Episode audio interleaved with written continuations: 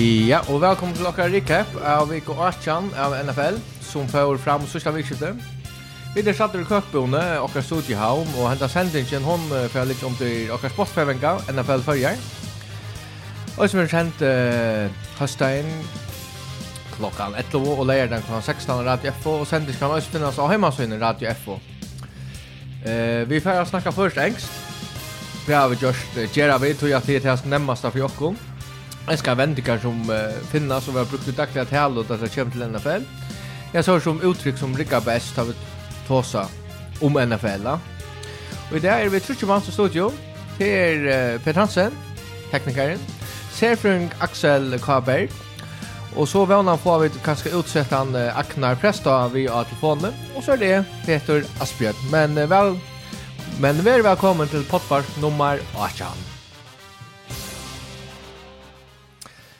Og som uh, vera vant så börjar vi vi tog Og jeg har funnit onkel. jeg var ikke om det høtt, og faktisk, jeg må gjøre meg en rømme, så är Lorsa slash ett pott någon. Jag jag tror Lorsa pott någon så skulle opp, jeg var ikke vi.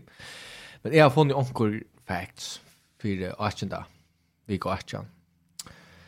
Men uh, tog ja, til till tar kalla det faktisk, mannen det at han nå, vi går Archenda så plejer det kalla det Black Monday.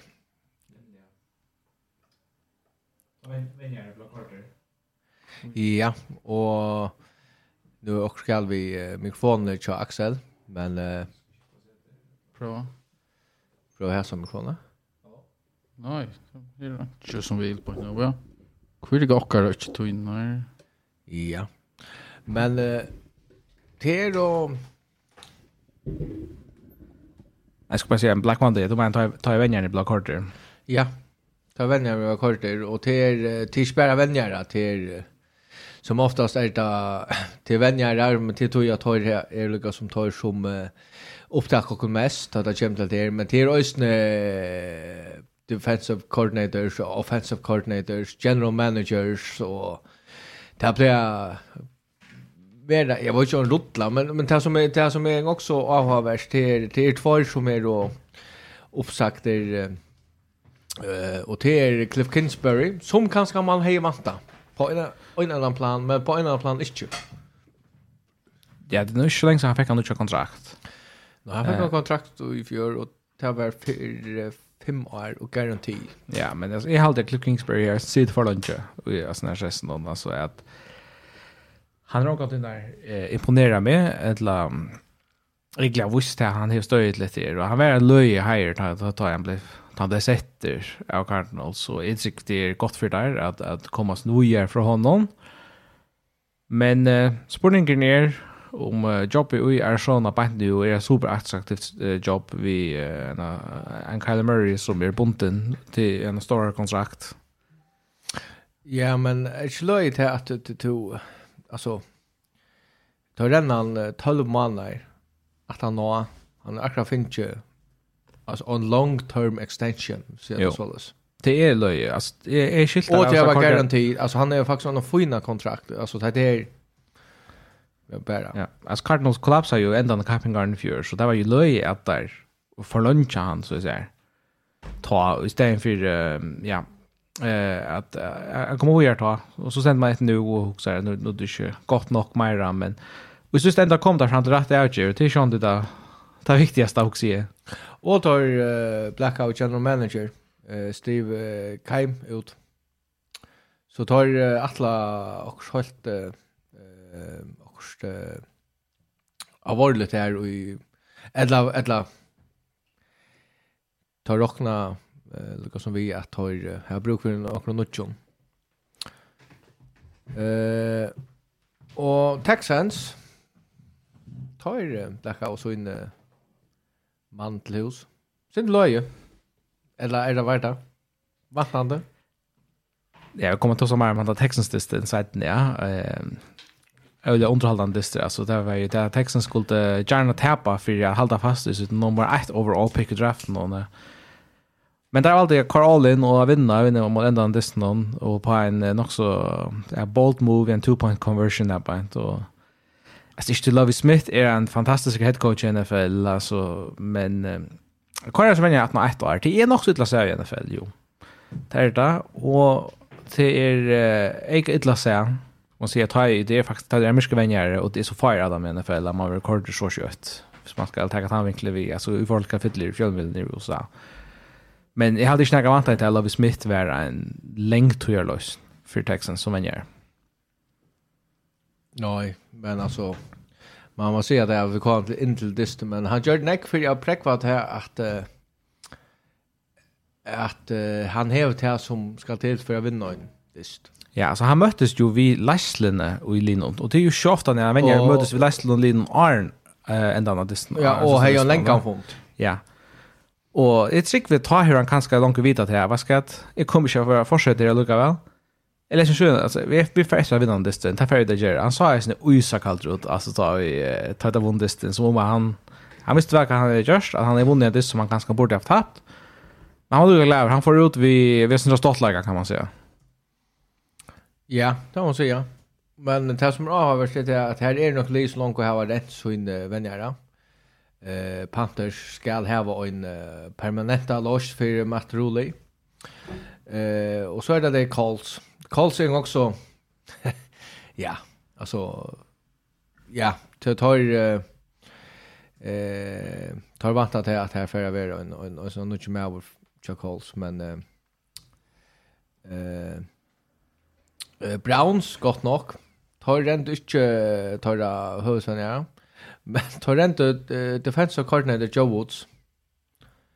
Eh så tar alltså du du røyner röra oss inte vi at att bli konkra venner til hus og ikke, Men det er vel ganska møyre venner som, som vi har bläcka i, eller korter, vövliga. Här är några... Vi får så söka, alltså det är nog så underligt att det bara är så far som blir korter av Black Monday. Så det var inte särskilt svarsta månader för head coach i NFL. Det blir att komma, gossor är sen fem uppsakna. Så jag bara finns ju Cliff Kingsbury som kom, tandade en Olavi Smith. Eh... Uh, Nå, så Nathaniel Hackett ble jo korder sin til fyr. Og så, ja, Jeff Saturday er Coltsa, og som du sier, Panthers er sine korsene venner. Eh, men så det som er som nok er trykker, eh, inntil vi är det så til det være. Men det som er helt nok spennende, til hver headcoach kommer inn i NFL nå, og til her er vi det her sin drama. Ja, men det har sånn ikke så riktig. Jeg vet ikke om vi tar sånn den samme mannen. Nej, jeg prøver å si det. Sean Payton? Ja. Men vad ska en quarterback han ska ta över Ja, Jag Drew Brees. Nej, okej. Okay. Tan nu just jag hörde det här att Sean Payton kommer kanske till Saints åter. Och tar Tom Brady vi som quarterback. Det är det nu just då. Till till Det till också läggt ut. Det är väl garvilt, men här är snägg rykter om, alltså Sean Payton fer uh, intervjua vid Denver Broncos vida vid. Och här gänga rykter om han kanske, alltså att Cowboys möjligtvis kommer att köra Mike McCarthy och att Sean Payton kommer att uh, övertäcka här på Men det som är intressant visst när vi Sean Payton, alltså Sean är han en fantastisk head coach, alltså en av de bästa i hela generationen. Men Saints här var han en av kontrakt. Ja. Så hvis Sean Payton ska vara sätter som vänjer en early i NFL. Så skulle jag picks. Så skulle det trade för det. Och där gänga rykter om att Saints vill ha first round pick för, för att ge Sean Payton från sig. Så det är också intressant att lycka. Visst du ge var first round pick för att sätta Sean Payton som en gärna. Men är det också vet att du kunde inte göra mer än ett. Max och third round. Nej, man kan gå köra first round pick. Det har vi sagt förr. Okej. Ja, det är alltid Bill Belichick blev med landa trade out Patriots så jag har alltid varit första andra runda pick och landa här han fick här. En annan öl öl intressant med över till Jim Harbaugh. Eh, ja. För coach i 49ers, klarar sig helt väl här. Hever så ferdig inn atter i college football till Michigan. Og klarer så fint. Og klarer så ødeleve. Han har litt program i ordentlig opp.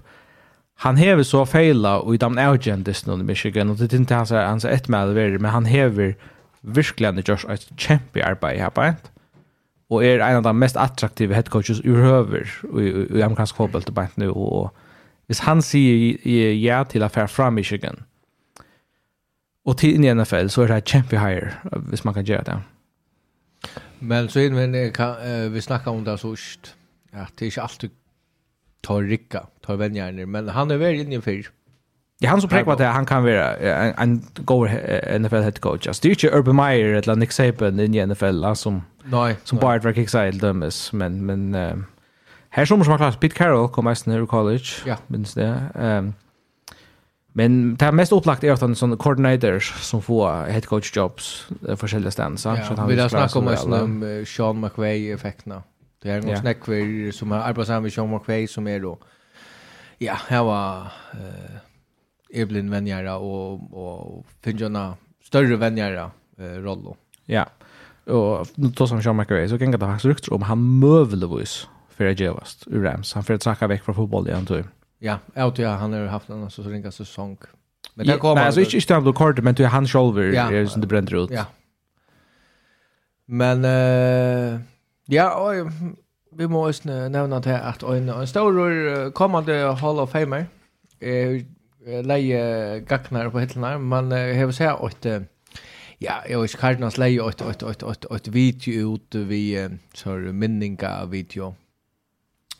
Eh och så ser man han hitch efter då och så tar han och sen då.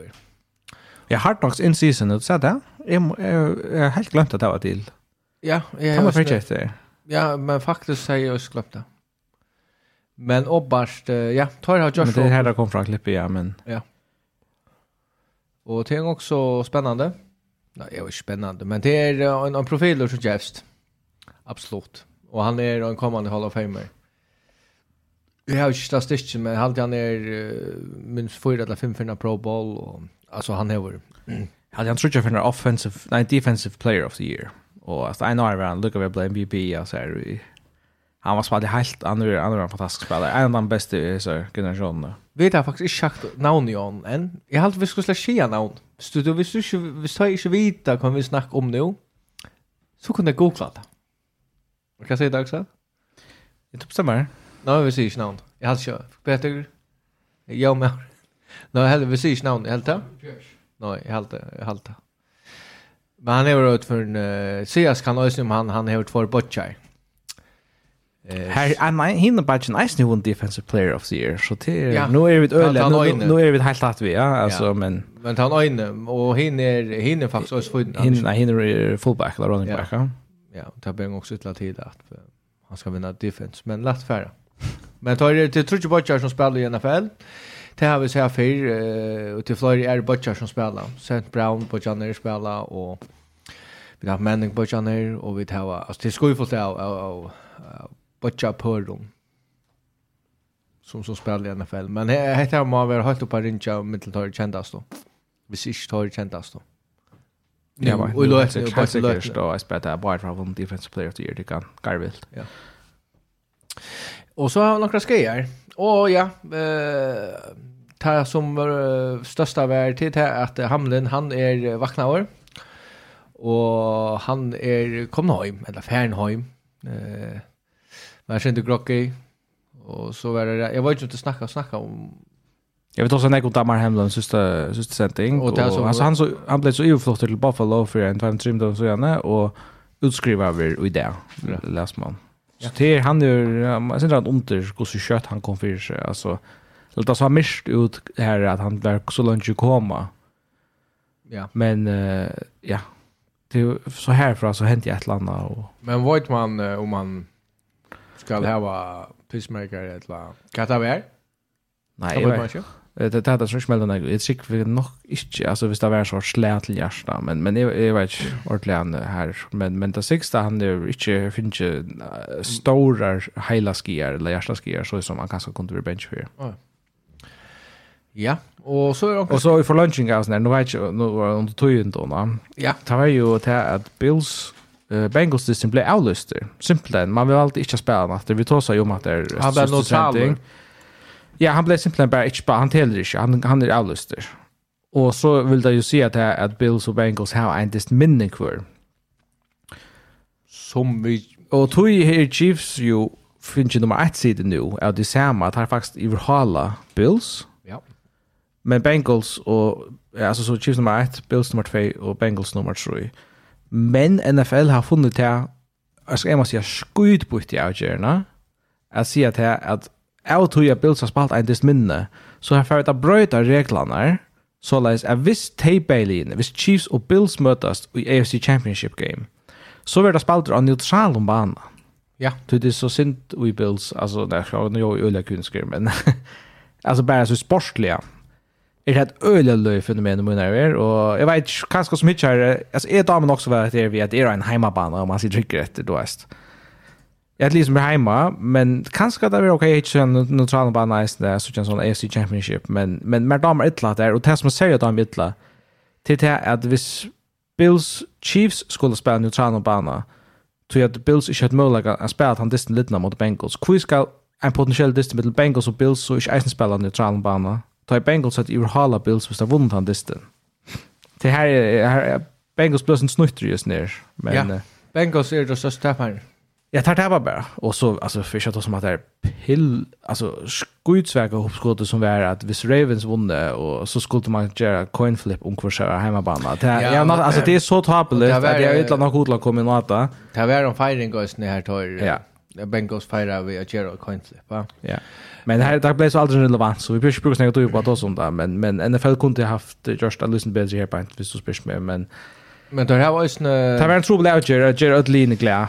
Ja. Och och det er så inte gjørst då. Och något støv, eller ett høyre har omgang steg i att. Nej, men det här har protokoll för att det. Ja. Jag visste ikke det ble avløster. Hva gjør man så? och så har det brøtt til protokollene Og i sista löt er på ett. Det, det, det här är att till löja man brøtte protokollerna till för.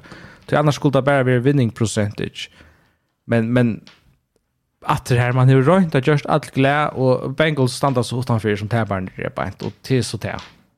Ja, och det som folk, hvis folk ikke vet at nu vi kommer til wildcard og alt det som vi färda ta oss om, det er at uh, det har vært så se at, uh, at uh, det er være on the road, eh eller skulle være ut og spela dyster det har var ju så linje som här var eh ute dyster här var en öliga storan eh ikke fordøy, men altså det här Det talar näck mot dem. Och till att ta det först on the road vi har en NFL i till så reella störst setup du förstår vi. Du först vi de spelar tror jag tror spelar om att det coaches och till er utstyr och till er. vi så hookade det hårt nog så får den en lilla eh och lite som man säger inblick i hur störst logistikmässigt det är att flyta ett li bara spela ut det. Det är till till pura svagt där. Och ta ta anstränkar organisationer er en vi affæra on the road. Eh ta ta ta hur vusch flyr för att och så är det att är det så firmor är spännande neutralon. Ja, till nu firmor för Berlin på att han att Berlin skulle färdas. Det som är en gångs avvärst är hur så finner du en neutralan hemmavet. Och i Åsa för li Thomas Simplan ja. färd och stä här som är... Spela London. Nej, då. Ja, no, ja, jag kan det. Du måste färra oss där här, här. Det är inte vi vi oss folk. Och, och hur så väl du och kvart li har vår minne vi oss folk och i ögon starte. Eller en boje, eller att du var där. Du måste simpelthen, alltså det är säkert det. Färd till London och spel. Det är så lätt väck att du var där. Att det är synd att... Ja, vad säger du valt? Eh, men kanske helt helt annan stad. Alltså färre spel Florida eller alltså andra ställen som är alltså eller kanske syns så mitt i mitten. Detroit är syns mitt i mitten Buffalo kan like en gång alltså och short här näga men nej jag vet inte. Men hur ska att du tar att du tar till Då Alltså du rör ju geva biljetterna till till linjen jag säljer 50-50, ja. Ja, ja. Och som linjen styr augusti sälja såna augusti för det som biljetter så är det så att det syns några att som får att ta biljetterna. Ja. Ja, det er vi på, men, men uh, TSB som... Uh, kan vi att spela åtta anskor? Ja. Nej, det var alltid ja. runt men, men, men, men det, det är bara som en som har större anskor, uh, ja. basar, alltså generelt, alltså iver allt åsa. Och som är stersk och i øynene omreie. Uh, och så är det som en som, som har faktiskt uh, öjla lojt, jag har ju anskåren egentligen. Så det är faktiskt stärskars. Och det är jo att du har flott franchise. Men det råknar vi att akkurat, alltså Chiefs och Bills är nog så jön. Louis Nash. Alltså vi får att Lasko är bara så att det är inte Raiders eller 49ers eller Packers som har super några skor. Nej nej, men det är också bara hur hur känns det där? Och det där att du du du väljer att du spelar hemmabanan så är det klart hemma ska vara. Men är är så att bara som det är en öliga ring uppgåva att finna en neutral anvåt som är Det är det. Och bär ju röjse tog och Oscar basis är neutraler. Ja, det er godt ikke leida. Nei, men så var onkel Skeier, eh, og det som er den største, kan man så säga, er at eh, toa er nok ikke eh, tøkker. Og det er en øyelig, øyelig større misser. Ja, det Alltså vi vi gör preview här att han har alltså vi där så här har när Grims ska sända så vi kan då men och där kommer ganska snart mer än att det men Ska inte bara säga att det är en, en alltså så ringt som Dan Bluver för Dolphins. Jo. Jo. Ja. Och vi vet helt klart framtiden så bra att jag men han så inte cleared från concussion protocol och det är ju sånt underligt. Hooks är jag kunde gott egentligen säga jag borde sett mig mer nu så concussion protocol till att kvad är det symptom det queer han ut i trutcha viker vid en concussion då han alltså Jag tycker att det kanske mer är sort som kallar för postkommodius syndrom. Alltså han är över huvudpinne och svimmelite och sort Alltså te i lunch och en short kan färra veck Men hvis det ska till sig akkurat en, en hela kjolte. Jag tycker han är en i hela kjolte. Alltså. Men det är ju det försiktigt. Alltså, och i Atlans det så tycker på NFL tar, tar tår inte att, att lätta toa för att spela. Alltså. Nej, men skulle vi tacka skean ner till kvarsli eller skulle vi köra eh, över till uh, vad gör? Jag kan gå för oss om om, om Disney bara. Ja, ja, jag förtärslar ju oss och fakt. Oh ja. Vill du vill det? Det görs du. Eh Ja, det är rätt. Det är alla sex Disney och i varje round. Jag svär. Det är en rematch från regular season. Fyrst för någon som 2019 händer. Och bara femte färg vill jag säga det hent. Og så er det det. Buccaneers tar er simpelthen og playoff i en losing records. Og til er best til uh, uh, satt av som er klara til. Ja. Og så er spurningen om Brady for jeg er klara til. Onkje li vi on a losing record er, har er nekrande klara i, altså, forbi divisional round. Så spurningen om Brady i klart her. Og er det nekker skal det, så er det breite. Er det klart? Jeg minnes det lige for nekken år som har en losing record som spalte i hjemmebane og vann. Og jeg vet ikke om det er en som vunnet i vakker rundt nå.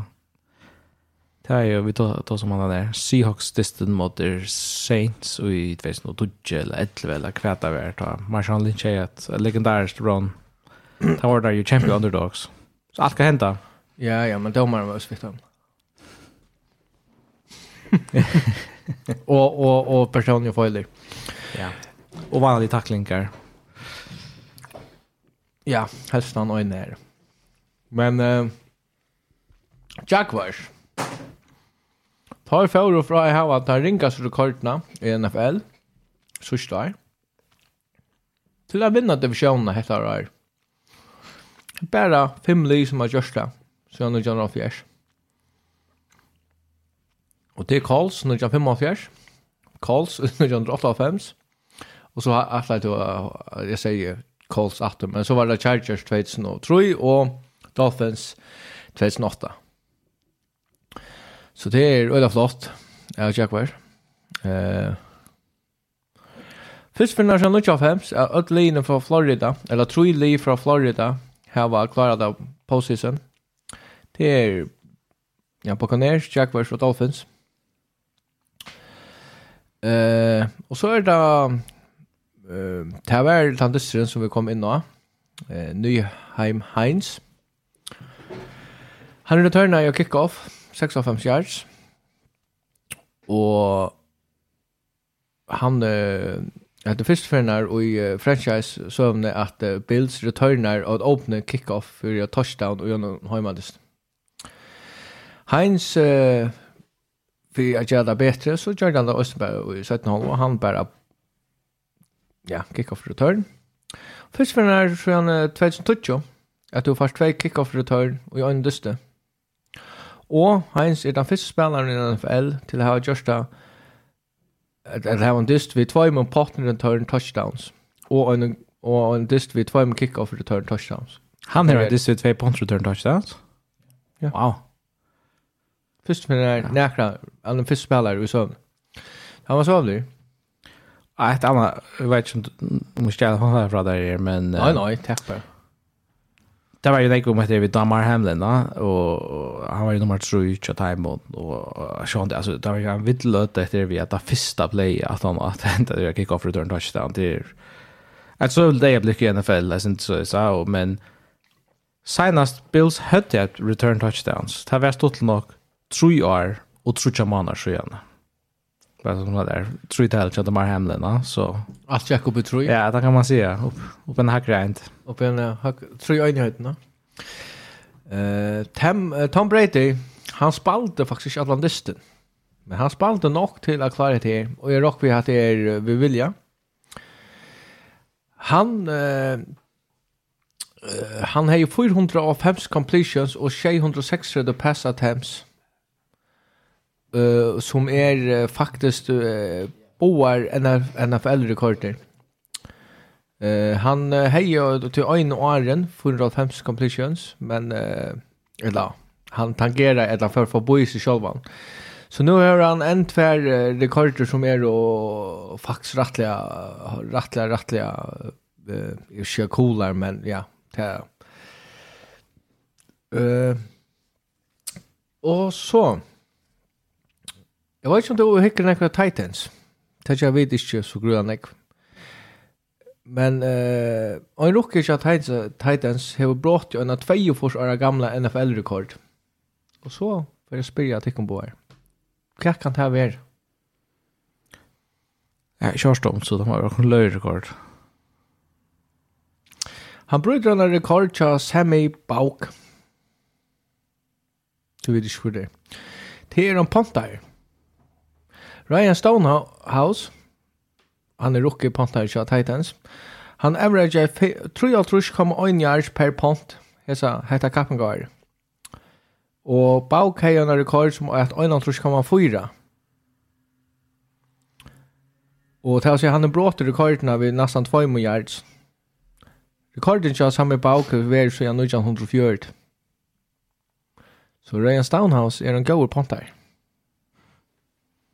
Mm. Det er også stort om man finner så fakta, du, at det er det.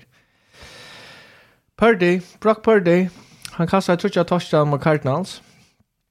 Og nu tar mest til at han har fem distri trekk her han har haft Moira, eller fløyre touchdowns passes. Hetta gjør han bare den tredje quarterback i søvnet til NFL til at det gjør det til å fyrstå fem største Ta ene var Dan Marino, den kjente Dan Marino, og så hinn var Billy Wallach. Så Brock Purdy er... For nøyner ser jo kanskje et problem hvis uh, du skal fære velja en quarterback neste år. Og så kommer en rett stortlig ting. Det er at alle line som har spalt i møte for Niners har tapt vikna til nå. Det er en vittlig stykker öll liene som har spalt mot Fort Niners har tapt.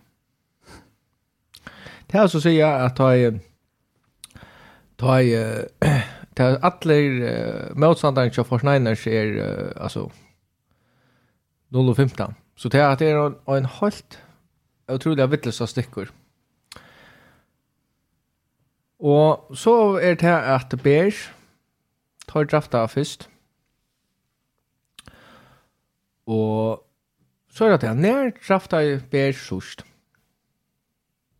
Det var noe andre tjei i fjør først. Så det var også Og ta drafta der en mann som bare spalt jo en säsong så Og så må vi se Mike Tomlin, det han er også sett rekord. Eh uh, han er uh, 16. Kappingar under Mike Tomlin här stiller så har haft en vinning rekord. Och den nöjden där Kappingar allt. Så tar er tight vi har er inte inte haft en losing record. Han har haft tror som är 8-8. Ja. Men han har haft uh, han har haft 16 tillsammans. Alltså han är vänjer i 16 år ja. och han har haft en losing. Ja. Och det är uh, second longest height. Det är bara cowboys som har haft det långt. Då har du då 21 kappingar där. Varsågod.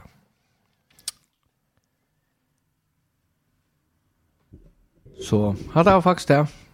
För uh, syndra fakta.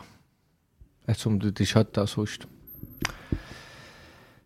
För att det snär alla. Ja. Och hur uh, ska det gå? Vi må bare dele mikrofonen i beint. Ja? Skal vi begynne første liste? Ja.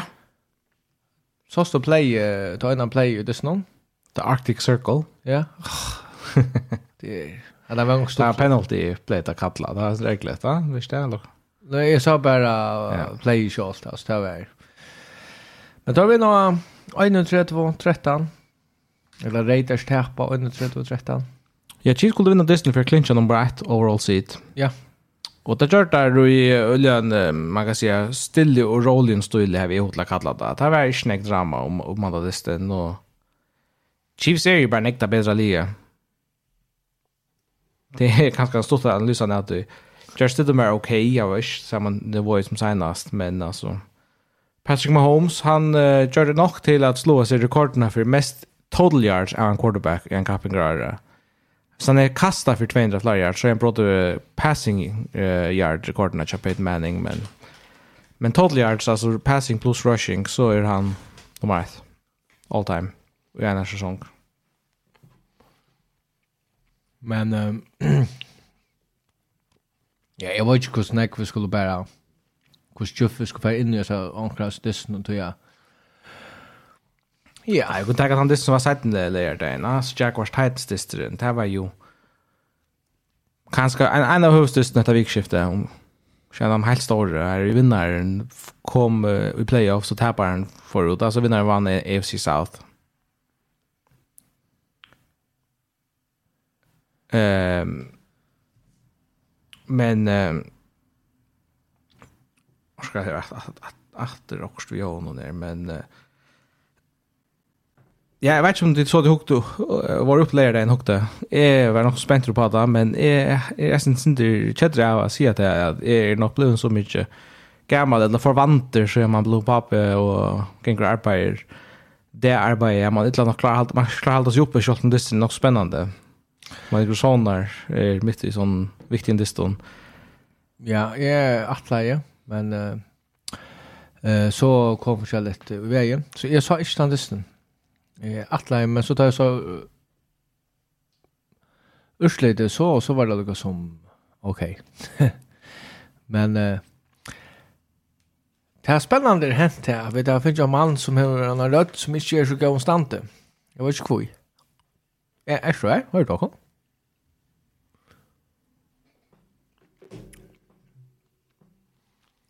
Mm. Jag går grett la vet inte, vi kommer bara ta oss av er så hoppar Agnar in. Ja, det är bara. Till, um, men ja, distan kör själver, så lyckas ta sig syndrom han där, jag har tights distance. Så eh hemma sin till känsla att Titans är kontroll i början distance om. Allt för så där är följda sin där. Och tar det ju sen 8 touch 0 och jag hade check vars öjliga trecher att att komma igång. Men eh, här kommer så speglat där och och, och sätta sig i helt av jauna distin. Tutsi, tutsi. Tjekka det. Nei, det er ikke helt rett. Det kom opp på 13 tutsi. Men i fjorda quarter så er det sånn snet i episoda her hvers ødline bara skiftast om her og bølten og ikke gjør nega som helst. Allt stegar upp i fjorda kvarter. Til fyra possessions av rea er linjen fra 3 and out. Altså Jaguars bulten 3 and out, Titans 3 and out, Jaguars 3 and out, Titans 3 and out. Det her pantaren er ikke vel inn som du tåsar om. Ja. Men så endte det at uh, Titans der har et, uh, et drive-kørende som ser sin lovende ut, helt mot enden, som tror ikke mot retter. Og så vil Joshua Dobbs sack over, fompla bulten, i hendene av Josh Allen, very spilleren til må hitje etter, det må faktisk hitje etter recap av støsten til at det er enten er bare for vittler.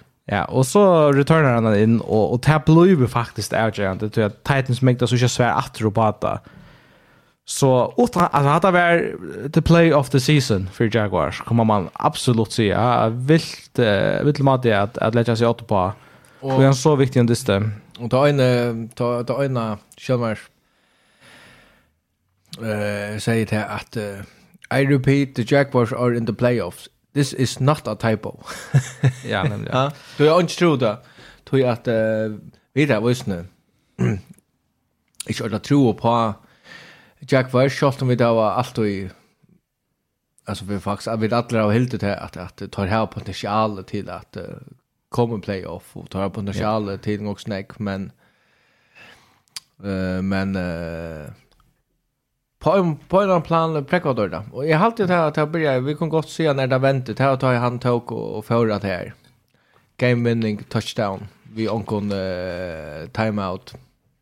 Helt har väntat det. Ja, vi var nog så spente på att Trevor Lawrence i i början av Arnon och så jäkta sin det galla åter. Och som du ser, alltså jeg helt har varit 2 6 ett lock short. Men um, et eller annet är hent. Alltså han det börjar spela neck bättre. Och har vunnet 6 av sin siste shade distance så det är um, till sådär man alltså man spelar sig i playoffs kan man säga vi vinna. För alltså run alltså som jag syns så jag vill säga så så Ron som bara kommer bort ur onkeln och så det är rätt nog som du säger att ta där vunnit mot uh, Ravens så att han tar det tar där blir så Ron nämligen ja. Så det är nog men det kan vara att det är och tänkta kan gå för att, att han börjar det är akkurat som han är kan ta touch så kan han fann det att han kom till Men så det akkurat hesten dyster vill inte att här Trevor Lawrence ber Jaguars till serien. Alltså han han spelar okej, okay, alltså men men det är en prankande dyst. Alltså 212 yards, en touchdown, en interception. Det är ja, för han är det ganska inte det den bästa strön och det är nog den här Averian som som avgör det till sist. Ja, det är dyst någon. Men det men det är ju playoffs och det är det spännande för jag vet. Ja, och det här att uh, lige som vi vi har snackat att uh, snacka om det här, men lige som tar möte är i bekomligt för det tår. Halde jag. Det var spännande. Det var inte för spännande. Här har vi ett Agnar vi nu. Yes. Hui! Jag vet inte du bara förstår jag Ja. Uh, Eh... Buccaneers, Falcons og Buccaneers har ikke inte for det. Falcons har egentlig ikke inte for det utan uh, siden noen eh ja, och ta vinna 3-2 sejan. Falcons vinner egentligen. Ja. Men uh, men uh, man ser att här att uh, Buccaneers hej Brady's lunch inne så till han fick rekordna. Han manglade han han var tatt för att få skuld till ha tvär och han fick tvär och så blev han bort ett bench över. Man ser att här att ja, Jag vet inte att det här är och och Buccaneer kommer in och i play wildcard vi har någon eh, negativ. Losing record. Jag vet inte vad mer ska säga om det. Jag vet inte att det är er som gröna grann att säga. Eller klart? Jag vet inte om marknaden här också nu han kommit in. Ikke om han er mye nøye, men med selv vi har hadde det snakket om det før, selv om Buccaneers har absolut lyssnar där under exercisen så kommer det röda först igen att det blir Ja. Gå här och hjälpa den nästa dyst. helt. Eh Och till må orsaka här ute hvis det halta att som dyst du inte snacka om. Men det är det. Jag att här är inte eh ta det inte höra spänn om så brukar det inte så oss. Och så också hållt av vilt hänt ju i dysten självorna. Mm. Uh, Patriots, Bills. Her faktisk Bills gjør sina skilto. Ikke det, jeg har vant da kanskje en, en, en tattare dist av til at uh, Patriots har en, en ok verjo. Uh, men uh, dist er noe eisne nok så tatter, og, uh, og særlig i fyrre holdet ikke. Her henger Patriots helt vel ui. Og jeg heldig Patriots tar for fram om i byrjan ørne holdet ikke til 16-14, og man byrjar hoksa sin til Kat ja. Kat kat nua og färdar vi släpper den lista som där har bruk för det Patriots som har vunnit så var det playoffs. Og Sean Bills så dot ni nummer 3 sitt start upp det. Men uh, alltså Bills har inte bara opening kickoff return som du ser men atter at han har alltså typ tar Patriots Legends från omsidan fyrstan og shot of kick off enda ena för return. Det är kanskje som att ta för luften sin drar ut ur dysten. Och Og til, til fyrir var 6 av 5, så fyrir jeg ikke ilt så var det hettar 108. Ja, så det er ringt av vinna en kvantist här du lovar två return touchdowns, så säger det att du är underdog, så ser det men man ska säga at Peters hinge vel ui i den mån. Jeg vet ikke om du nått jeg ble nervøser, uh, Agner? Ja, så kan jeg følge at det som Dolphins, Fury Dolphins skulle gå til deg, så skulle du kanskje kjøre. Det er ikke Eh, och kan man säga till att, att Ulfsberg gör hejdlöst för eh, jag tror jag tre turnovers har varit den märkliga här. Jag hade det, jag kanske inte hade också som gjorde att Peter skulle skåra första den vägen. Så det var liksom det som, och alla på bedömde kanske inte korrekt som, som jag kunde lappa med. Så när man kommer så långt ut på business så sa man att det var, att det var många linjer eh, och, och, och Tyre McJones och, och Albert Peter så det skulle skapa några eh själva kan man säga att det är lätt att köra till så att det tror jag inte eh som alla grejer men men men då kan man säga inte inte en prangande precision av på så se allt man massa där alla eh vart och vattenvik norka och tar över ganska det mesta det som är så visst är så skarpt till att det gör men det är det nog till det är ju nu i chip så men men men uppe i vart vart det var det Ja. Til lukke Klockabills. nei, nei. Jeg har för vad næsta dyst. Det blir ju jeg er mer spent på det som vi skal snakke om og när för sötni efter. Sen gem till Vikings uh, Bears og man må si at, at Bears uh, er klart av vannet som det gör i NFL. Og ja, og tar blev faktisk halvveier av, av Vikings. Ja, så Justin Fields var ju en gång vi, så det var en, en pliktserie för Vikings ja. som hade kunnat bli nummer 2. Ja. Och du har ställt av office stärskast manning. Det ska lycka, alltså Vikings ställt av office stärskast manning. Närom, ja. stärskast manning. Uh, och jag sådana pliktserie Ja, och Berger nummer 8 sitt Men det är inte tacka sig själv. Jo, det är tacka sig själv, men det är bara... Ja, jag vet inte. Tar det kanske inte till vanliga så ligger i NFL. Kjallt hon tar på av så första sidan, eller vad? Tar det tar det intressant att försöka ta brukar det till. Då är det så här kommer en en quarterback i draften som heter Bryce Young som är nog så spänt på från Alabama. Men det sen när Alabama quarterbacks klarar sig hampliga för inte i NFL eh det systne. Jalen Hurts Tua Tagovailoa, Mac Jones, ganska inte ordentligt, men, men Bryce Young viskar virkar en spännande spelare, men till sådana här, det har Justin Fields och Lindon, så spårningen för här är, Vill du att trada ditt första picks åter för att bygga ditt offense upp? Vill du eventuellt att trada Justin Fields till, till, till någon annan så, och så tar du Bryce Young? Jag vet inte, det är spännande. Det som är redan avvärst till och vi får kanske vi får snacka om det utanför, men till er att Texans inte väljer att tänka och för ett och första sidan tar häva gott nog bruk för en quarterback. Och tar av trade och och tar av finge picks och tar av jag hade tar två picks hade två picks och i första runda tar ett för en två. Jo. Ja. Så tar jag målaga det tog ju skilje hit. Jag tar för så höljast ett. Men sen ju. Men Bears det är så spännande att veta att Bears brukar så till första runda pick till. Och det är det ena som gåa som vi kom faktiskt ut och så sanns inte hem. Till annars är det så sanns inte hem mer katastrofal. Men det kommer vi till. Ravens Bengals. Uh, Ravens tappa Bengals. Ravens Levy Anthony Brown som quarterback. Ja. Third string. QB. Yeah. Lamar Jackson ikke kom etter den. Og Huntley var helt ikke. Nej. Og det är sast. Och sen ska vi så få hända det snatter i wildcard weekend, så ser. Um, beina vägen samma band igen tar allt det. um, alltså Bengals dominerar ju under disten fullständigt. Alltså vi vet inte om de spelar det är fullgärsta men tar tar skita bara att där är Nick bättre än Ravens. Alltså Ravens har en chans att han Lamar Jackson. Och Jeg halte virkelig all oppe til Bengals. Det ser, det ser godt ut. Og til stort til å sitte, Jamar Chase kom nemlig sin. Han fikk et, et touchdown-kast som vi er nok spent på å sitte om han eh, kommer etter og er ordentlig god, altså vi vet ikke skapt det gjør han. Og han spiller en god i stedet. Annars er uh, Bengals bare mer og mer spennende ut.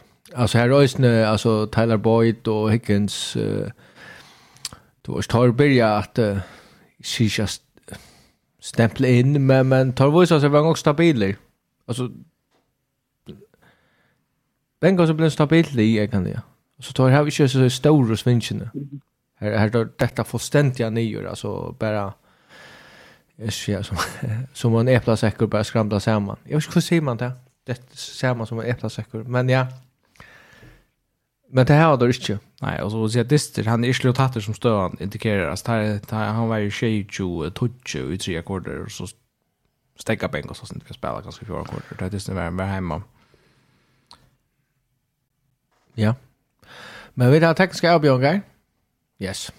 Du ser bare, så finner jeg det du. Vi uh, det her gonger ikke alltid som prester prætikar. Uh, her var vi.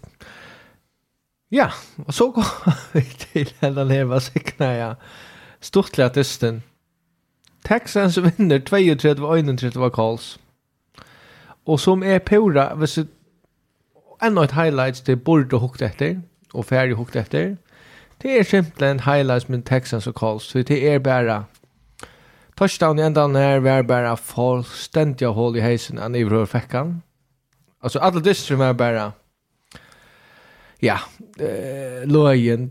Du, jag, kvarkan alene hade faktiskt i princip med så näka spela fyra hade faktiskt inte att spela för. Åttan så Texans går bara vinna. Och så allt att spela för samstundes. Ja. Så att det är ju divisionsrivaler. Och Colts kan man säga, visst här tappte disten så helt det helt där sig i topp 5 i draften och där fyra bridge att att Texans får dem ett pitch så Colts skulle gärna rönt att tappa den disten vi alla makt och ja. Texans skulle just samma så i verkligheten att vi skulle säga tvärli som kört allt det kunde för att tappa disten som man huxar om om draften men Men det går för några sin skarpan gäng. Det viskar ju som ett. En där vill tappa den lysten. Nej, alltså det är att det här du kanst inte bia professionella atleter för att att ta för en bana så spel då för att vinna. Du du du kan inte göra något annat. Du kanske du ringta bia men om att göra något annat. Och här spelar ju för sitt egna arbete ju, ja. Ja. Det är det som ska minnas till. Hvis du så först ut och spelar ytla så får det till emot där sätt Men ska ska ska Mills ska Mills förvänta att han är starten QP i Texas nästa år. Nej, det där för att att drafta några som du säger. Jag hade det sen han var han super underhållande det rätt. Ja, men har snack har snack snett Berlin hade pick 6 så är det kvar. Eh Texans är ju åtta något snack med det men så så så är Colts ju 68 och då sista drive är bara ett absurd drive. Här man husar, okej, Texans färs vinner lugga väl. Och han var att konvertera en fort en 12 Fyrst? Ja, ja fyrst. Og, og så at han har en 14-20 ja. som för til et touchdown, fører til sort 35 yard touchdown-kast, og så en two-point conversion för att locka distance mot ikke var noe. Og altså, 14-20, han får middelen hentene av, av, av verdensbanen, og det er fullstendig hål i høttet, at Det var skakka som at han røyner lofta bolten og sånn, han bare, altså gjør det til, altså han skal bare, han skal bare batta bolten vekk. Ja. Så heit det vært spillet dekt, og Kjørs vel, Kolsi, det vunnet. Jeg husker sin rett, kan det vite, være til at Lovie Smith, han visste han for rekorder, og så sier han lukka, hva skal jeg nei? Jeg er for kraft, et mye ut ved ståttleika, vi snakka. Han var reist bare usa kalter. Jeg husker Lovie Smith, vi kalkulera, og husker, jeg skal håndte med täcka takke et picture fra dem. Ja, nemlig, ja. Men altså, vi tar tås med det vi Jets Jaguars for noen år siden, at Jets ju stand i position till att drafta Trevor Lawrence allt år och så vinner där den näst sista vikna så säger jag också ah kan göra det och nu hade så Zach Wilson istället för Trevor Lawrence va så jag det också säga men man kan inte säga tar du tar du Max Sanchez så. Men men så spårningen kan säga att visst du deciderar säger vi spelar. Vad ska det ska ju röna vinna. Det säger man inte. Nej, men men det är också nu nu men det kommer runt det Jan det att Texas kunde bara kost inte den Milson bara kost en en touchstrings quarterback in och så bara black och onkar in. Onkar skid dem is borde Texans till check now. Alltså två på för stark. Vad ska vi ta vi ta vi ta kämpa med där men vi Hvis man er just her, også, Agna, han er jo en sånn revenjerfaring, kan man si. Ja, mer enn Lucinter. Hva hva helt du til Josh vi altså altså hva er du perspektiv på at det er bare som spekjata så åpenløst på teacher knä. Eh, alltså så är man alltså jag hade nästan lever ju och snackar riktigt jag kunde gå så hitcha för en hitcha till en ny det är svårt det eller så så och det är en passion då vi kör när vi har bussen men alltså det alltså det där lite ganska bra det när så blir vinna bäst så så så blir det viktigt så så jag bäst man kan vinna så så tar man bara då alltså det det det är man bäst det är jätte på det är ja man står ju själv med sin kraft rätt som man ändå man kan inte göra man ska spela för det. Alltså att att han styr så rakt det måste det är vi och och här texten så vart det kan säga att det är otroligt och och och har sagt att, att riksdagen lyssnar för stort och har just haft överläggande så stort att de nämnde om det som person. Eh, så tar sagt så är jag på Skåne för att försäkra nu. Eh, det här har haft eh, och det kommer ut av socialisten och så över. Men alltså, Strong behöver kanske den kan spela mycket, det är 25 nästa, men, men det håller väl direkt när man, när man sänder sig fram om att, att man är nöjd med det som, som man kan. Men, Och så som spårningen som står så är det Axel som är alldeles framför det kan hända så är det första vision till men bara så långt som är projektet av här och typ så men men Chicago Bears var alltid en quarterback och det strunt ut så han tror just field så så det spelar inte riktigt jag tar Charlie Jerry på om om och ändra en trade till Texas som de måste ha till 28 också. Ska jag lägga minnas det? ett ett ting som vi ska ta oss om mer på ett till att vi börjar nå är någon så eller så ända sista kappingar är ta have Brian Flores ju saksökt Miami Dolphins tog att ägaren uppfordrar till att han skulle tänka. Ja. Och ta Arre börjar ta ta veta ju inte man kan säga tänka det tank for two att det nog då. Och det, man huxar sig inte till att Dolphins tar runt det att täpa fyra att få Eh, uh, för att få nummer 1 pitch i draften någon. Men så ända där jag vinner där två ut dysten i Arndo. Och man kan se man ända capping går på en sån positiv stämning. Det är sån här du tar bye week för Patriots och sånt. Och men då vinner mot Bengals mm. i den nästa sista veckan i Arndo. Och ta för Bengals som de upp som nummer 1 sidan, ja. Och man kan säga hej du haft nummer 1 sidan, eh, nummer 1 issue sidan, nummer 1 pick i draften där. Så du kanske haft Joe Burrow istället för två dagar av låg. Mm. Så alltså det är helt inte så bant fram. Nej, men tänk gå för att Men det byggt är en kultur kan man säga för each other. Men tänk gå för att att to to to heliga som uh, kom till det att toa är bättre för det än Choboro. Jag tar jag läxan. Är dock vi att så linje läxan scouta fram att hetta så kontor vill jag ha och draften. Och den som nu känner jag vill jag säga att det här kontext då så där jag står tack och lov på ett tidspunkt ikke antispilte, det var en ikke kjent. Det var, altså, som han spalte i Alabama, uh, bort uh, det var, det var fra inne til hest, det var, uh, han spalte i øyne veldig vel, og, og man valgte at det som, som enda i uh, vi første, første og pushen for å teka.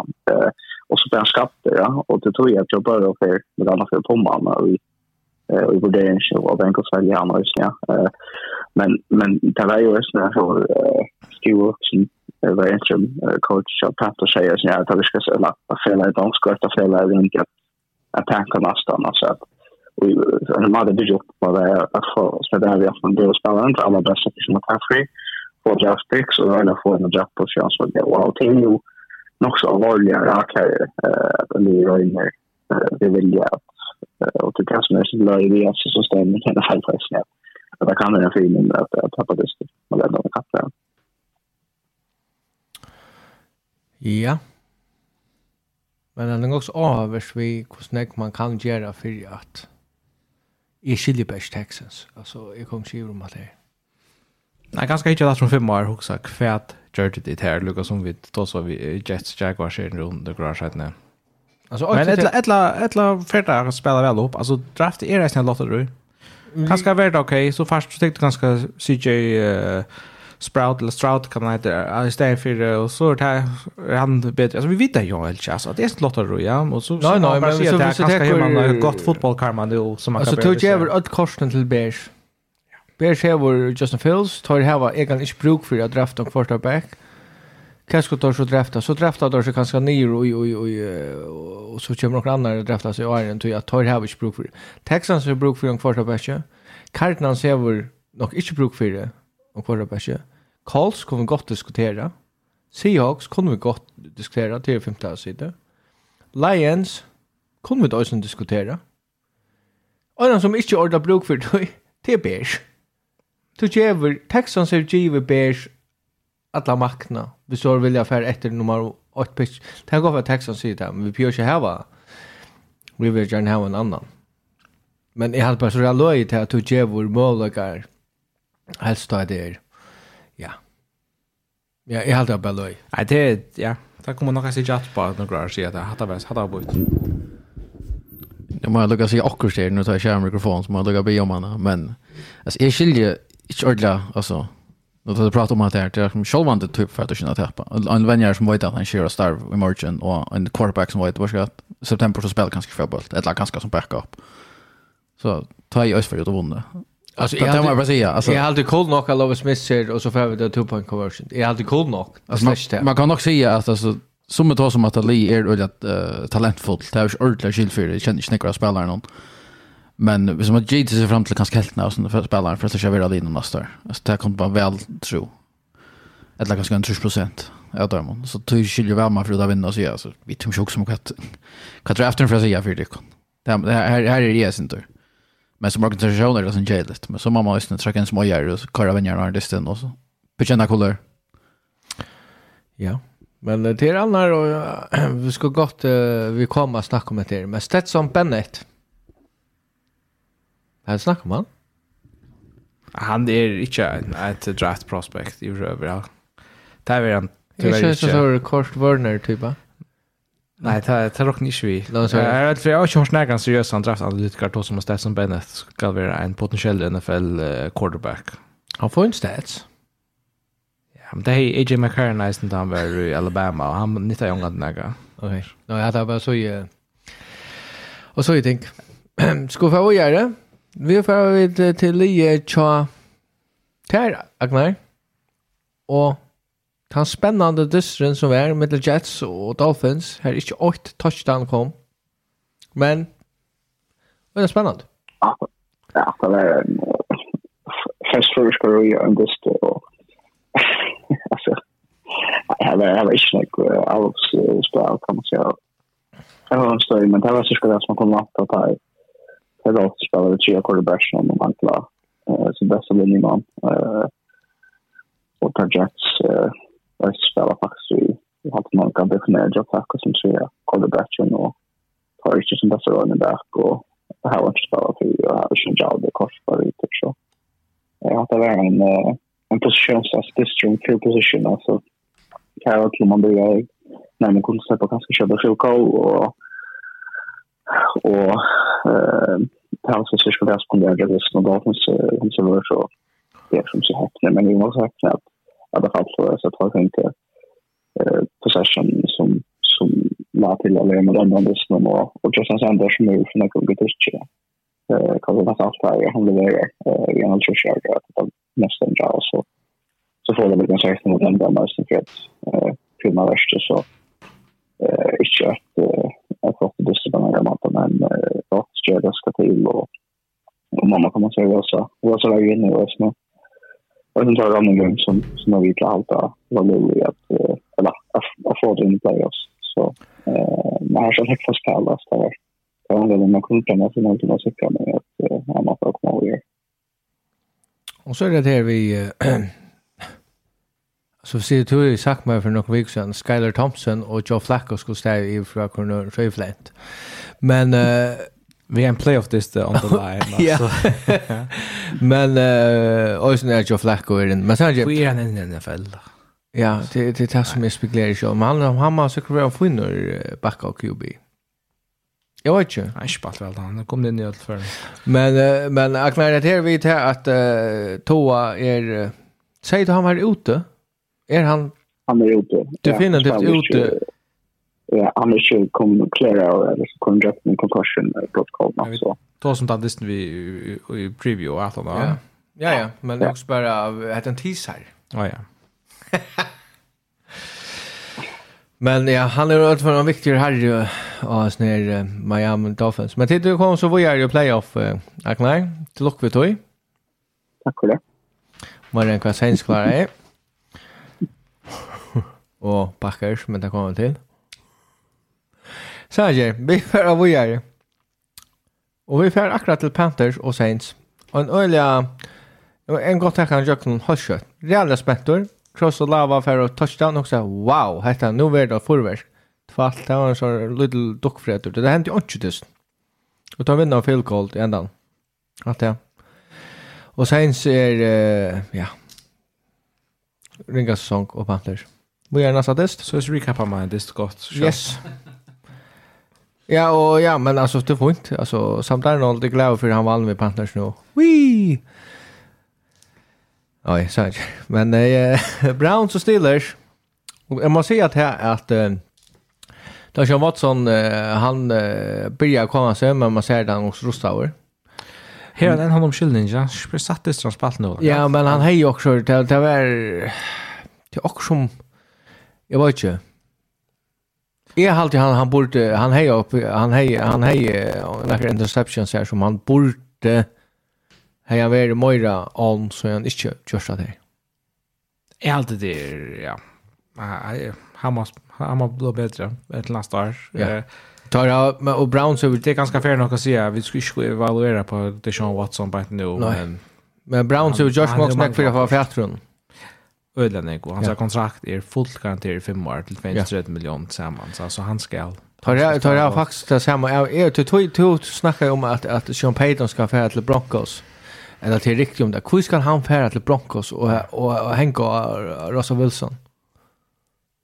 Alltså det är samma som eller det är inte samma som uh, alltså Browns är bundet till Watson nu i fem år. Eller ut från tror jag. I fem år, ja. Men Kenny Pickett... Uh, ja, han är en spännande här. Han vinner det men alltså, ja. Yeah. Pickett och Pickens. Nej, han är en spännande herre. Äckligt att de släpper sig att han är viktig att ja. men... Och tar kom och så inte vad gör det tar vi då som man säger, och gott nu. Jag hade, hade Jets klara vunnit mot Dolphins. Jag tror att Steelers nog så mirakulöst kom in playoffs. Ja. Tror jag att det som skulle hända för att at uh, Steelers skulle komme og göra så det var ikke bare 8 men Tvejli skulle tappa for at han skulle gå som Jesse Werner. Og tar var rörliga att vi eller så tatt vi som man kan nå ena för kan komma. det? Jo. Skal det oppsummere en ordentlig kjøtt han lysten det hatt jeg faktisk til, ja? Tar, ja. Men altså, jeg har Steelers viser at det har format. Og Mike Tomlin fær et uh, vinnerrekord, uh, som nekva sier for han. Ja, og tar viser at det har kanskje en QB som, som, som er en fremtid i. Altså, han er ikke topp.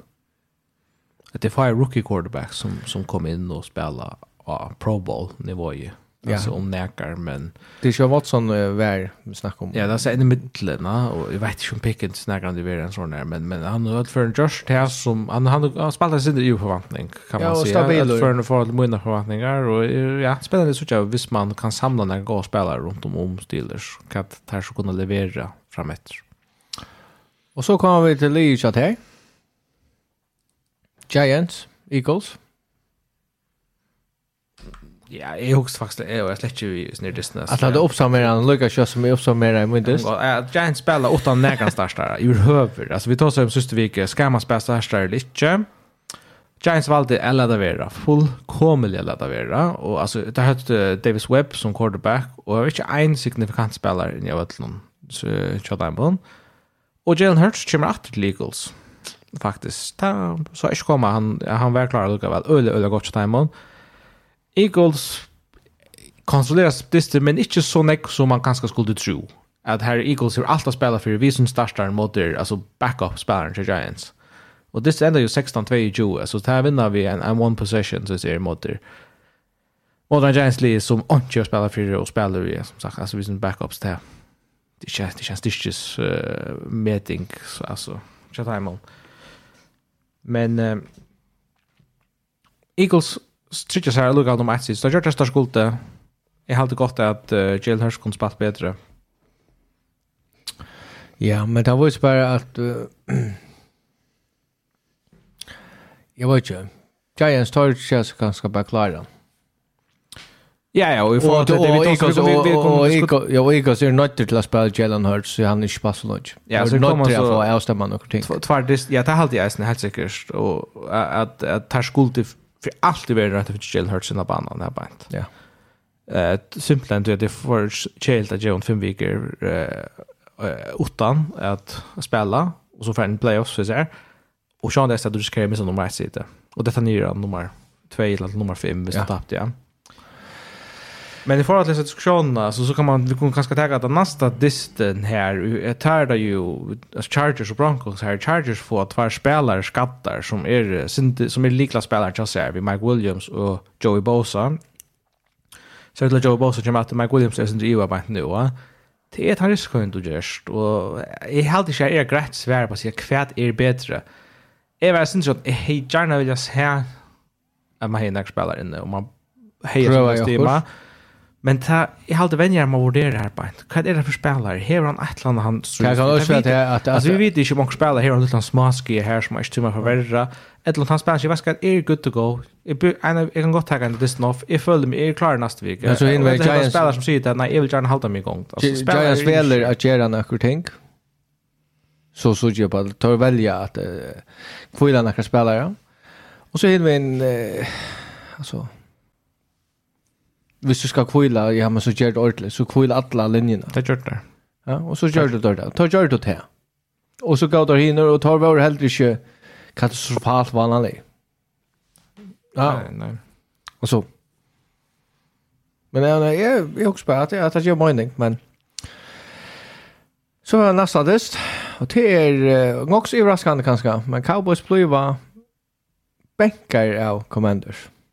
Vi synes det er vi synes starkare skal lucka vi matchas Og ja altså, jeg må si at, det at den største möffaren i alla alla sesongen, det er just av uh, Washington Commanders men det er så färre.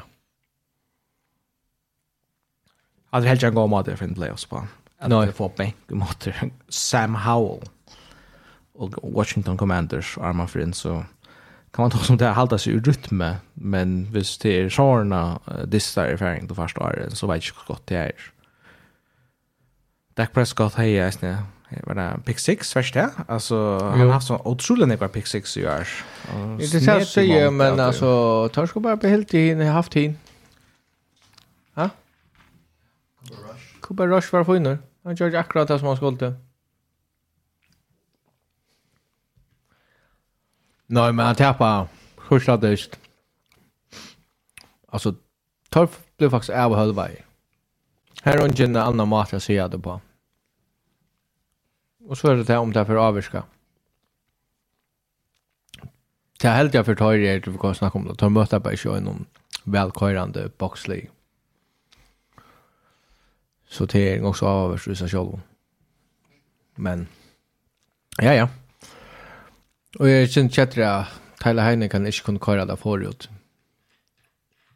Nå han var kommet så godt og gongt. Sanger, Chargers Broncos. Og her tappte Chargers. 28 og 130.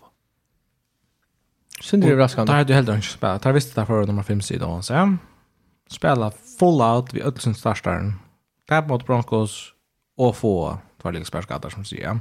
Vinn-vinna? Ja, det är så.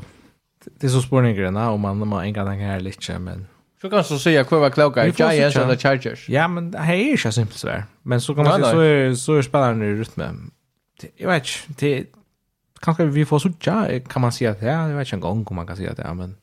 Jag har ju hellre sagt det här, hvis du inte har spelat för det, och du har kommande i playoff, och det här kvarste risker du ändar, så är jag kvart med mina spelare. Det var inne seriøst. Ja, det er sånn jeg anna uh, och och och å Arnara. Hva sa du til? Vi satt och där så vi vi tossade inte om det här vi att uh, i Arnar vi hade och spalt några spelare men tjän ösn i perspektiv någon helt och nära spelare för det då alltså också spelare för inte spelare för det Men Chargers har inte spelat. Jag bara Atlanta Jack väl Arden eller att annat. Det sa att du måste huxa om och att det vi spelaren som har skia. Eh eller vi snackar här om som har skia allt så som kommer i uh, betraktning. Jag kan inte svara för uh, Arnar, men det som jag inte vet, det var bara till att du spelade tar Taimon.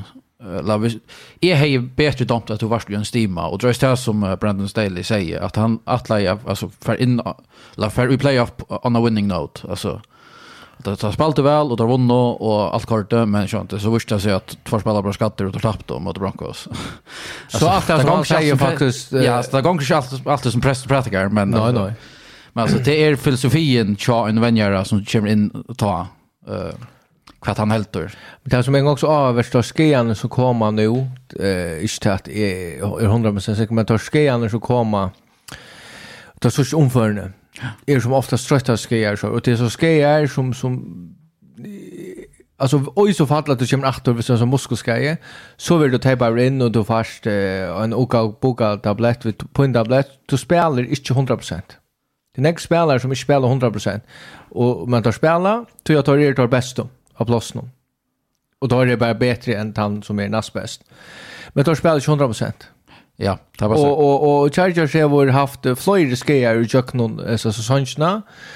Och tar nöjt spela, tar människor som det här, att du tar spela efter bästa förmån. Ja. Och är dock vid det att tar vi straffa i fyra. Och tar inte häva huxa om uh, syndra kvult. Ja, här har alltid ösen löst. Man kan kunde ju haft huxa i häsen distan och bara att det är en tatt det stör blir bluva vi är bergas vi Broncos som att säger den. Skolspel pulla där out nu och så gör det inte på tappa. Alltså det här är man sin drösen här ta och så är jag så är jag svårt här så är tapp Broncos så är jag svårt hem och lagt mig så gråt till akkurat det. Men jag hade ju ösen min filosofi chamber shinter av att hukta för ofta ett Packers i playoff. Där är så vi renner jag off nej jag kan regular season få ofta en bye week kommer om till vinner där nästa dist men är det pura flätter alltså och så tappa conference och ja, men det är men det är helt inte och det lägger vi då så tappa så jag vill lägga några vekt och Ja, Bajvik är också viktigt och bla bla bla, men alltså ångte statistiken visar att Bajvik mitt vik och är det helt kjallt. Nej. Alltså, som vänjer har ofta morskisen är men generellt är det inte öliga större ta Det koksar, eller det kiksar vik först. Ja. Så men jag har till filosofi, alltså forskjelliga vänner av filosofier tycker jag som kommer in i spel. Eh, vad väljer där? Man måste säga att här att Broncos vann första det står nu. Och det att jag var tilltryck också så här i Denver. Det kan det har spalt väl det två sista när. Eh så Russell eh Wilson. Så det kunde det gjorde det. Jag ger finns jag pengarna så jag ska spalt väl och Jo jo men alltså man vet att men att det alltså att att other alltså att nu spelar väl ut vart det står och det två sista när. Och må han trycker på att han för det var jävla över i nästa. Så spårningen så spännande jag så för den Denver Broncos ta kom då sin då för oss att nu om tar skifta vänner. Är dock inte Sean Payton? Jag vänjer vi så skiftar han tar en interim coach. Och tar kort vänjer. Är dock inte är jag kanske oj men där man Payton för till Denver Broncos och ska ha Russell Wilson. Nej, jag vet inte. Nej, nej då vet jag inte. Är du är du inte säga vad han menar. Inte att är är alltså är du är helt jag så han kommer åter till Saints. Nej, jag tycker vi han ändrar ångstandes till att det så reella när Är dock vi är han nu Sean McVay för pension och så ändrar där pension han förlika som Slappa av. Ja, han trackar veckan och löfter fram. Men så är spårningen Sean Payton tog med en och en för det som har problem med picks och salary cap och allt. Det har han haft nog av Saints. Ötlärarna. Mm Sean for Sean. Sean for Sean, ja. Det kanske jag vill så hashtag nu. Hashtag Sean for Sean. Ja, det var ju så spännande, jag vet det. Ja. Men ska vi nästa test som är Rams och Seahawks. Här eh, man måste säga att att att eh, Seahawks Tror man glädjas, en glädjas folk, Leon och ja, i alla fall. Så vinna, och är playoff. Jeg vil överraskande. Ja. Eh, men helt har jag skrevet, så att Rams pressar seg så nek för att få dem att komma i eh, playoffs. Och det är sånt, alltså det här at kan ikke stått leggen i NFL øyelig ofta. Skrevet, så att man, man får all in för att vinna Sean alltså det här hade jag inte han går draft på Sean och spela för den här sort vattla. men det var ju bara det att men vi såg Lims Jaguars if you're for a Colts i kommer playoff så ehm så vi söker li te te te och för kontos Lions att han har är ja. Det här när jag ser för att man runt får sin rival när kom in. Ja. Och det var en superunderhållande. Ja. Men det var ju så bare det som Rams så faktiskt vurst allt var. Tar er då bara inte går nok och gör. Tar här var grundläggande kvaliteter som de bara bara. Jag tar er bara skor nog. Och det säger att det är outjand lötnar alltid. Ja, alltså du tar er öjliga väl vi i ödlendisnon. Tar jag snö upp 13-6 i halvleik noen. Distin kommer så om man til endan distin noen, ta i halte Seahawks skåra field goal vid 2 minutter etter. Rens var bøtten atter, Jevan Iver atter til Seahawks, som faktisk det här 46 ett all field goal til at vinna distin, men kiksa så her, stank, stank ut. Og så, Boink ut, ja. ikke boink inn. Og så, eh, så i overtime så kastar Baker Mayfield et en interception på en spelare som faktiskt var fri men kastar var förvånad han som leder underkastar bulter så för han rakte sin man och så hej vi det där skrvunne hända det nog i Rams. Så så så tar leveras första agent inte eh tar hade mål kan luckan whenever en fin distan en av faktiskt en av de spännande distan Helt sikkert. Og stort til at Gino Smith uh, faktisk er kan klarar å komme inn i playoff. Eh, at vi ikke vant da. Og er den kappen som blir jeg. Men uh, ja, han gjør det som Russell Wilson har nog inte klarat. Og klarar jeg heller ikke. För att jag kan perspektiv. Det det det där när vi har snackat ofta om det och jag inte om om Gino Smith var där rätt med om det var rätt är så också att det som då gör då men det var ju så att Pete Carroll har valt rätt. Eller rätt? Ta ta må vi Ja, alltså nu tar vi ett samarbete där så kan man nämna till att han är klara passing record, Jesse Seahawks. John ah. Smith, ja. Alltså han har haft inte smör än Russell, det här han gott nog. Men han tog rekorderna för det most passing yard, för det Seahawks. No. För den här säsongen. Så också det är bra. Go home, Russell Wilson. Ja, så han är också vissa. Men jag han är kanske inte finns till rekorderna av uh, sån här, uh, vad det kan ni walka han heter, running backer mm. som blir skattar. Mm Men han är väl så så klarar allt där så att jag kan ska bollen sen inte mer. Men alltså. Ja, ja, han klarar korten. Ja, ja, man gör Så men Gina Smith är är han fram till jag quarterback så så också. Så är så taggad Pete Carroll väl där gör. Han börjar. Han börjar och jag han visste att han är stor i rönen till bara han inte alltså han är inte topp någon som en Burrow och Nej, men han är han är ju oh, han var rätt långt aktiv kanske. Han är såna kvar interceptions. Nej, alltså han är han kom ju Pro Bowl. Ja, alltså han spelade alltså han är inte Alltså han är inte iver att säga med över. Nej, inte men han han kommer vara quarterback så nästa år. Ja. Det är helt säkert. Det är jag nog säker på, ja. Ja men om han är quarterback till om fem år eller att det lov med Eva står. Men jag får jag får ett cykel starta mer på att de ska totaliteten i karriären som en spelare än han ett gott år men sen kör det leverera gott år att nästa år så kanske kan man börja ta som hm. Men men är det här kanske att han är free agent att han ändå har kappen guard så det kanske spurningen om onkel och för att bjöa honom alltså dra pengar jag vet inte. Okej. Ta brötning också när jag kör det. Sen free agent. Annars hade jag varit fin. Annars hade jag varit fin haft tja Seahawks i åtta år och så har du byggt upp på och så kommer du kanske ja. Du tar det som mittelstation, tar inte tar tar till till röra lite tar mangla för jag kanske tja så playoff aktuella ordliga. Alltså tar det ju play men alltså till att du säger att du tror på att du kan få alla vägen. Alltså tar jag fina receiver, tar jag fina running back så jag fina, fina D-line, fina offline. Alltså tar det inte vanligt på några smarta. Tar janka ur. Tar det inte fantastiskt. Men ja, det var spännande. Jag vet att det händer kommande. Det här får vi ta oss en område innanför. Så är det här. Cardinals og 49ers. Her må man bare si at det er 49ers tøyr gjør det sina skilt. Her var ikke slinger og vassen. Vad ska jag rysta hon är ändå? För Schneider? Ja. Lucho. Eh, jag touchar allt ja. Touchar? Ja. Men så är det att nu har han power ranking så så stryker allt det. Ja.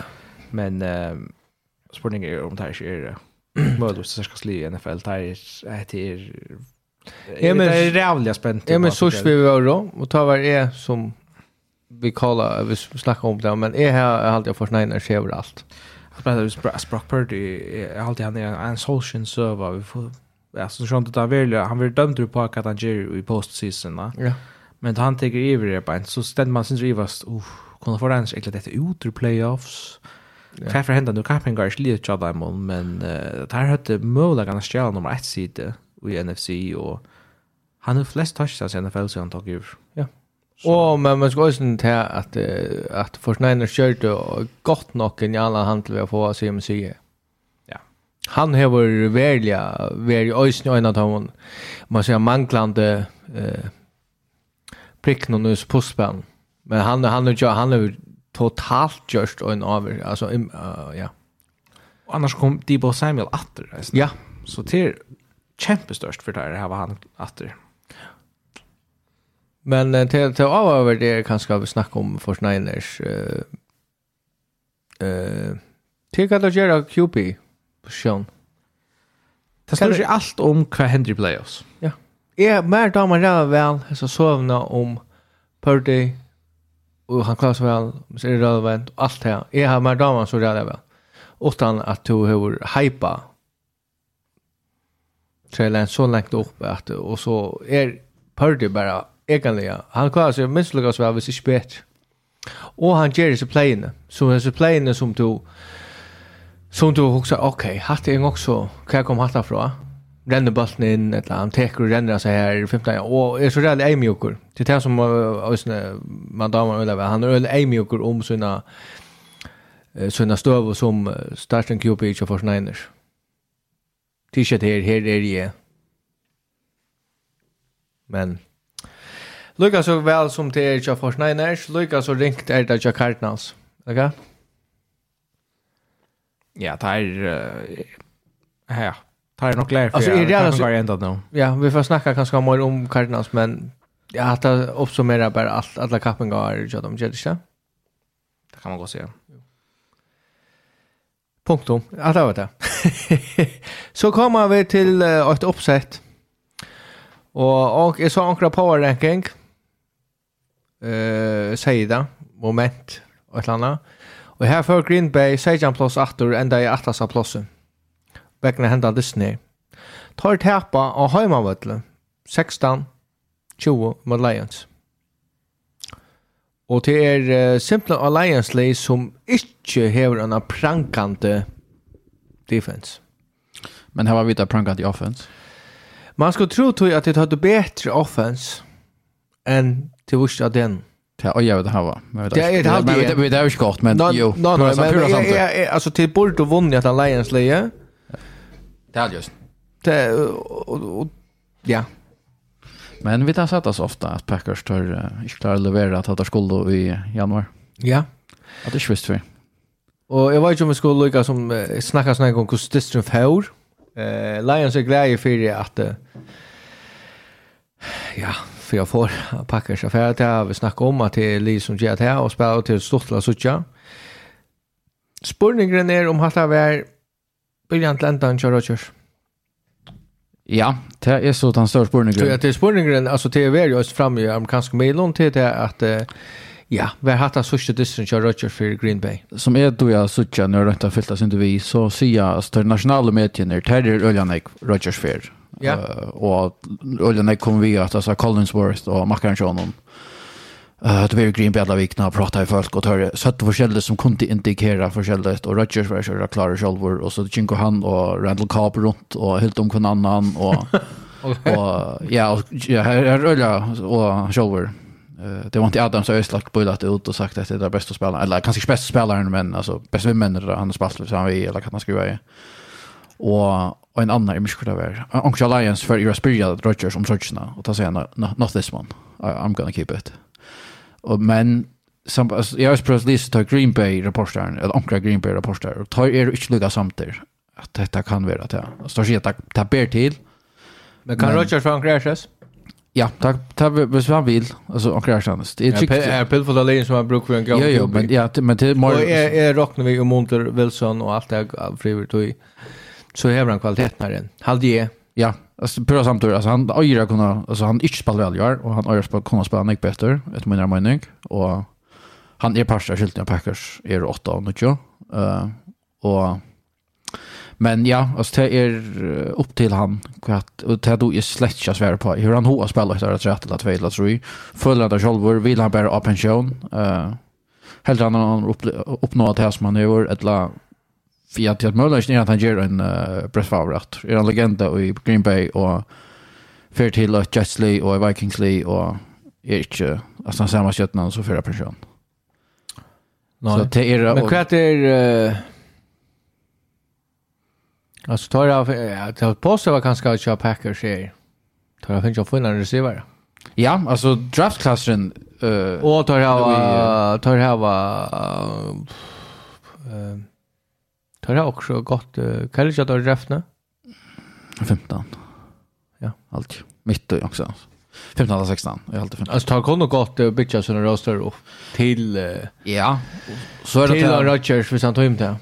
Sagt han så jag har alltid ösn att uh, så draftklassen och jag är vurst det ska vara där. Alltså det första draftklassen general manager han ordentligt rakt rakt vi Alltså Dobbs är vurst, vurst öljande i början när Arna blev Yeah. Watson nu i enda någon och han själv Quay Walker vursta faktiskt allt år eller sälja så igen det var Campbell kom åter att hjälpa någon jag visste hur ska han där ta kunde jag bara denna frukt ett bulten och kväll ett ett kunde göra att ta tar göra en en en cowboy så drafta Roger veck och kanske jag sagt alltså och få några pixen och så inte jag men nästa år så kan han då bultra det Ja, det blir väl till att Mölagan är nekver är öda späntare att vita vad packa. Ja, göra. Jag rör ja. Alltså han han ser han stadväck på en annan plan kvalitet till att kunna få ja, något pick sin. Två två första round pick när man går 22 och, och sen rätt rätt. Nej, nej, bara så så det är. Men jag vet inte vad så vad man ska prata om testen alltså till att det är att uppsätt Alliance vann, men i hade man följde det också kött kvar distren per hen. Uh, Allugal. Det att Angeli klarar att skora att det är touchdowns och Packers var det vanligaste goal to goal i, i NFL i år. Så det ser bara inte. Uh, och tar, tar klar helt ikke at det Leo tre uh, field goal i förra laget eller i first half och hinner skrøt och två. Men uh, man følte väl til at Packers började missa momentum i løpet av second quarter hver Lions kom att börja köra Och jag måste säga, jag försångt att nå, Aaron Jones från Blåbulten. Så jag också säger, okej, okay, här, här är det nog färre. Och det var inte så just nu i four quarter att det att det tappt och, och så man gick rätt snatter så ser man bara gå snäcka foiler då gör en Rodgers här var en en interception ta last uh, sista spelet ju hon det någon interception Aaron Jones fumbler för det bästa linjen och all in någon som då öja att lägga sina vad säger man sina vänner i, tar kiksa, och Quay Walker, han var utvurstor, och han själv det var inte Wyatt, nej jo, Wyatt Lettna, mis for navnet. Han, han burde også bli ut, Russell Douglas gjør 15-yard penalty, Det var blackout för att han skumpar en uh, athletic trainer till Alliance. Ja, som för att på en skatt. Oj, oj, som döver man snackar om en skatt och spelar lyckor och Han simpla för över skumpar och en av Stefan. Nej, för är över skumpar. Ja, alltså han skumpar han. Ja, ja. Alltså det månads det är ju han passar 20 meter över och skumpar. Nej, nej, alltså, men... Han tar ju armen för att släppa fram åt och så tar han skumpar åt. Ja. Och inte inte att det är rätt, men man ska lycka här och så kör alltså. Och och hej vart alltså första för när han gör chokost och han säger Nej, det är för han skumpar ja. en uh, jag hade just här med medical staff. Ta. Allt just. Men det var alltså det var till att han han tar halt i morgon han körde sak för det var. Tog jag att ta han vi skumpar av øynene någon en jag vet lån av kortet ut, og så tar en ojan och tar väntran och skumpar, åt han inte. Men han hade ikke noe han ska vara mer disiplinæra vår, men han är ju mer ute och omkylta sina gjerrer, och han sagt han tossar ut han som han skumpar i. Og at det var inte noe godt av någon och han må lära sin følge. Och som skilje så vantar man inte att han får suspension för att det var en bøt nok. Ja. Sambarst NFL-rapporter. Men det som, ja, okay. Alltså är halt det att uh, vi må alltså se jag kunde gå till Lions först då. Lions vinner champ insatser från time. Alltså att här tar game på tamu har fyllt via sex till för overtime och man fyller vi dast och ah akkurat tappar man och så har man faktiskt inte spela för det. Men man startar för ut och man bara ger allt för att Packers inte ska komma playoffs. Det som tog nu eliminerar från playoffs. Det här är jävligt respektabelt och det syns inte om Dan Campbell som vinner. Seahawks system blev vuxter alla en på field Arn. Arn det som blir man sa han tar vuxter då och vi Arn för rätt sån. Ta ta bränt ta bränt att det är straff nej field goal i Arn overtime. Ta ta blev vurst då en. Men men man måste ju också då för kommer snacka om Lions men Lions är en kjempe kappingar til time. Og kjempe kappingar er. Her tar vi vise at hun har gott offense. Uh, men her var avbjørngar å halda defense. Og Och det är alltså hans play call som Dan Campbell Jerry an Dan Diston alltså. Men det är inte sett att ju Aaron Rodgers här så stan eh vi tre mål minuten efter att Diston och så håller där i drive körande till att den klockan ut Men det är simpelt alltså att ena kastar han second and Sejan kastar en ut till sin receiver som pitchar han till sin running back och ränner 15 yards fram. Alltså är man hever alltså motet till att kalla det här. Men ta, det är någon också åter för man ett av fort down. 14-1 halvtid av er. Och jag vet att nej, vi lockar det nu. Men det kan bara säga jag har väl stor respekt för den insatsen Tyler levererar. Men det måste vara att han har mer all, all lead av sin offense. Ja, jo, jo, det, det kan man godt säga. Det är helt riktigt smärt. alltså det var aggressivt play calling och det, det var faktiskt så tja. Packers hinvägen till er, en till er en detak av serverna till Rodgers och till Packers alltså att det är inte först för jag vill säga det att det är hemmabana och en diste där är favoritter att vinna och detta var man kan säga det är en de facto playoff diste og Rodgers underperformar, leverer ikke det avgjent playen i distan Og hever tvær for bulten i fjorda kvarter. Og altså, og i rattan for, nei, framan for, blir fjorda kvarter. Uh, først så uh, alltid det at der enda vi er ponta. Lions uppskott touchdown. Der har bulten møllaga for opp og jauna, og han kastar en, en veldig bortan interception. Altså, du sier, uh, Maron Decker, han, han, han, han er jo bulter å kasta, og Och så är det ganska intressant, det som heter Erna sista district Aaron Rodgers, och så minnas Brett Favre, hans sista kast i Green Bay var ett interception. Kanske vet det det samma Aaron Rodgers. Jag lukar lägga trätt här sån, jag lär nämna det. Det är, ja, ja, nej, nej, nej, nej, jag bara lukar lägga trätt. Det var det att sista, sista sex kasten jag uh, Brett Favre, som är Green Bay-spelare, Ta föran, alltså, kompletta två, och så, och så, och, och, och, och, och, och, och, Jo, og kan uh, kompleta i tvei, og sånn ikke kompleta i fyra, for 12 yards, og det sørste var et interception, game sealing interception on Lambeau Field, og Rodgers hevur akkurat som start. Sørste seks kostene var 2 completions, 12 yards, game sealing interceptions at Lambeau Field. Det bara lukka, alltså, lägga att rätta sån här interception. Och det är också avvärst att amerikanerna gänga så högt upp på det ja, hade det nog hade det rättliga stått lite. Det är nog alltså några ting som gäng upp yards och completions, ut där går snäckvon och så det bara det. Så till spårningen om Rodgers gjør en brett Favre. det är nog stått lite. Men annars så har vi jocken gynnsje alla døstene Uh, som var mer avhaver enn ærer. Men det har vi for så, at vi tar var kjeilig, hver jeg er divisjon, uh, dolt. Og av, for AFC ble det så av, av fyrsta sitt, Chiefs. Anna Bills, Bengals, Troy, Jaguars, Fyra, og så kom Chargers, 5, Ravens, 6, og Dolphins, 6. Hvis vi fer over til NFC, så er det Eagles, tar det her nummer 8 spot, og så er det Force Niners nummer 2, Vikings nummer 3, Buccaneers nummer 4, vi gjør en negativ rekord, Cowboys nummer 5, og Giants nummer 6 og Seahawks nummer 6. Velkommen til Wildcard Round. Så er det her. Hva gjør jeg? Skal vi uh, skal vi uh, se at det var det, og så takker vi til neste sending uh, til uh, ja, vi takker preview og Så gleder jeg og hånd for å lykke ut av Spotify-venkene Jokken.